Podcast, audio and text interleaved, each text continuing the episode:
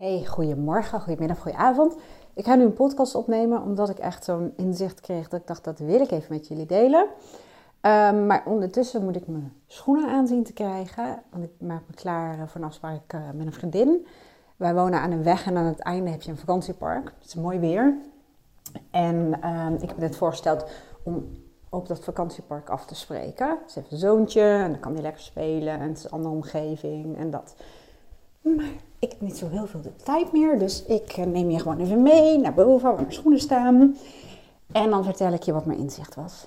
Uh, ik heb het niet voor niets ingeleid als zijnde dat ik dus met die vriendin en het zoontje op een vakantiepark afspreek. En dan doe ik nog even een stukje extra context. Het is vrijdag, overdag. En ik merkte bij mezelf dat ik een gedachte kreeg van, oh, ja, nee, ik kan best... Uh, uh, het is ook mijn part- en vakantie. Ik kan best naar het vakantiepark, um, ook al is het een door de, werkse, uh, door de, door de werkse dag. Nou, daar zit de eerste overtuiging al. Uh, door de weekse dag. Want afgelopen week heb ik ook echt heel veel gedaan. Er gebeurde van alles in mijn hoofd. En toen dacht ik, wat de fuck gebeurt hier? Ik was het een soort van aan het goed praten.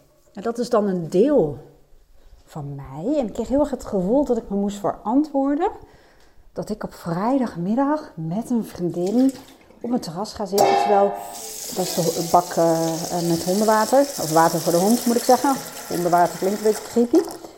Maar um, ik kreeg heel het gevoel dat ik het moest verantwoorden. Ik weet ook niet aan wie.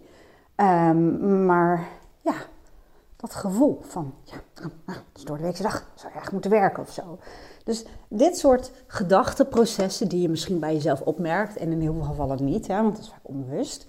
Maar laat wel zien wat je overtuigingen zijn. Mij is een overtuiging um, dat ik hard moet werken. En daar zijn allerlei variaties op te bedenken die bij die overtuiging horen. Ik leg je even op de, um, nou, op de stoel, dan kan ik even doorpraten terwijl ik mijn schoenen strek. Um, maar het legt heel veel ja, overtuigingen bloot die conflicteren met mijn waarden. Want daar gaat het vaak om. Dus het, uh, soms kunnen normen, hè, een norm van je moet hard werken of zo, of um, je moet wel kunnen verantwoorden dat je vrij neemt. Het kan voor je werken en het kan tegen je werken. Dus het kan in harmonie zijn met je waarden, maar het kan ook conflicteren. En in mijn geval conflicteert het, omdat een van mijn belangrijkste waarden is vrijheid. En vrijheid betekent ook dat ik ja, dingen kan doen op het moment dat ik het wil doen. Met wie ik het doe. Dat ik mijn eigen agenda kan bepalen. En het maandag tot vrijdag idee, dat, dat strookt niet met mijn waarden. En ook niet dat je van maandag tot vrijdag van 8 tot uh, 6 of zo moet werken. Maar dat er ook door de week gewoon vrijheid is, om het zo te zeggen. En ik, maar toch legt dit overtuigingen bloot. Dat er dus toch echt nog wel een innerlijk conflict is bij mij. En ik weet dat al wel van vroeger, toen ik nog bij het kadaster werkte, woonden we nog in een ander huis. En dat was woensdag mijn uh, thuiswerkdag. Ik noemde dat ook vaak mijn balansdag. En in de zomer en in de lente, dan tuigde ik vaak mijn buitenkantoortje op.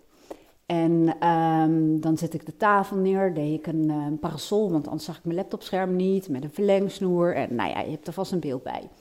En ik deed heel veel um, telefoontjes bijvoorbeeld in één uurtje. En dan liep ik rondjes door de tuin en ik probeerde dat zo te clusteren. En toen had ik al heel vaak het gevoel dat ik aan het spijbelen was.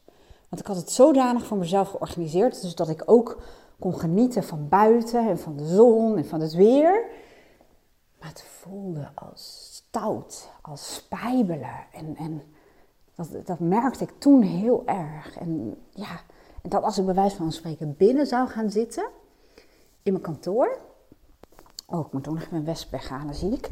Maar um, dan was het wel goed. Want dan zat ik tenminste netjes binnen te werken of zo. Um, en dat zul je zelf ook wel hebben. Dan moet ik afronden, want ik kan er heel veel dingen. Nee, dat is helemaal niet waar. Ik kan een aantal dingen tegelijk. Ik kan nu naar de wc lopen en een toiletpapiertje pakken om een wesp weg te halen. Nou, dat lukt al helemaal niet goed, want ik probeer het met één hand, maar dat werkt natuurlijk niet. Uh, als ik zo gestoken word, dan weet je nog waardoor. Maar hij lijkt dood. Maar ik wou zeggen, ik kan heel veel dingen tegelijk, maar eigenlijk is het gewoon bullshit. Ik kan heel weinig dingen tegelijk. Ik doe in ieder geval wel een poging. Maar ik wilde het gewoon even met je delen. Omdat jij waarschijnlijk ook conflicterende overtuigingen en normen hebt. Die je echt in de weg zitten om het leven te creëren. En dan ga ik ook even doortrekken. Sorry, ik ga even de wesp doortrekken. Maar die uh, in de weg zitten om het leven te leven wat je het allerliefste leeft. En dan geef ik nog een voorbeeld en dan moet ik echt weg. Ehm, mijn dochter maakte me daar heel erg attent uh, op. Dat is echt een geboren coach.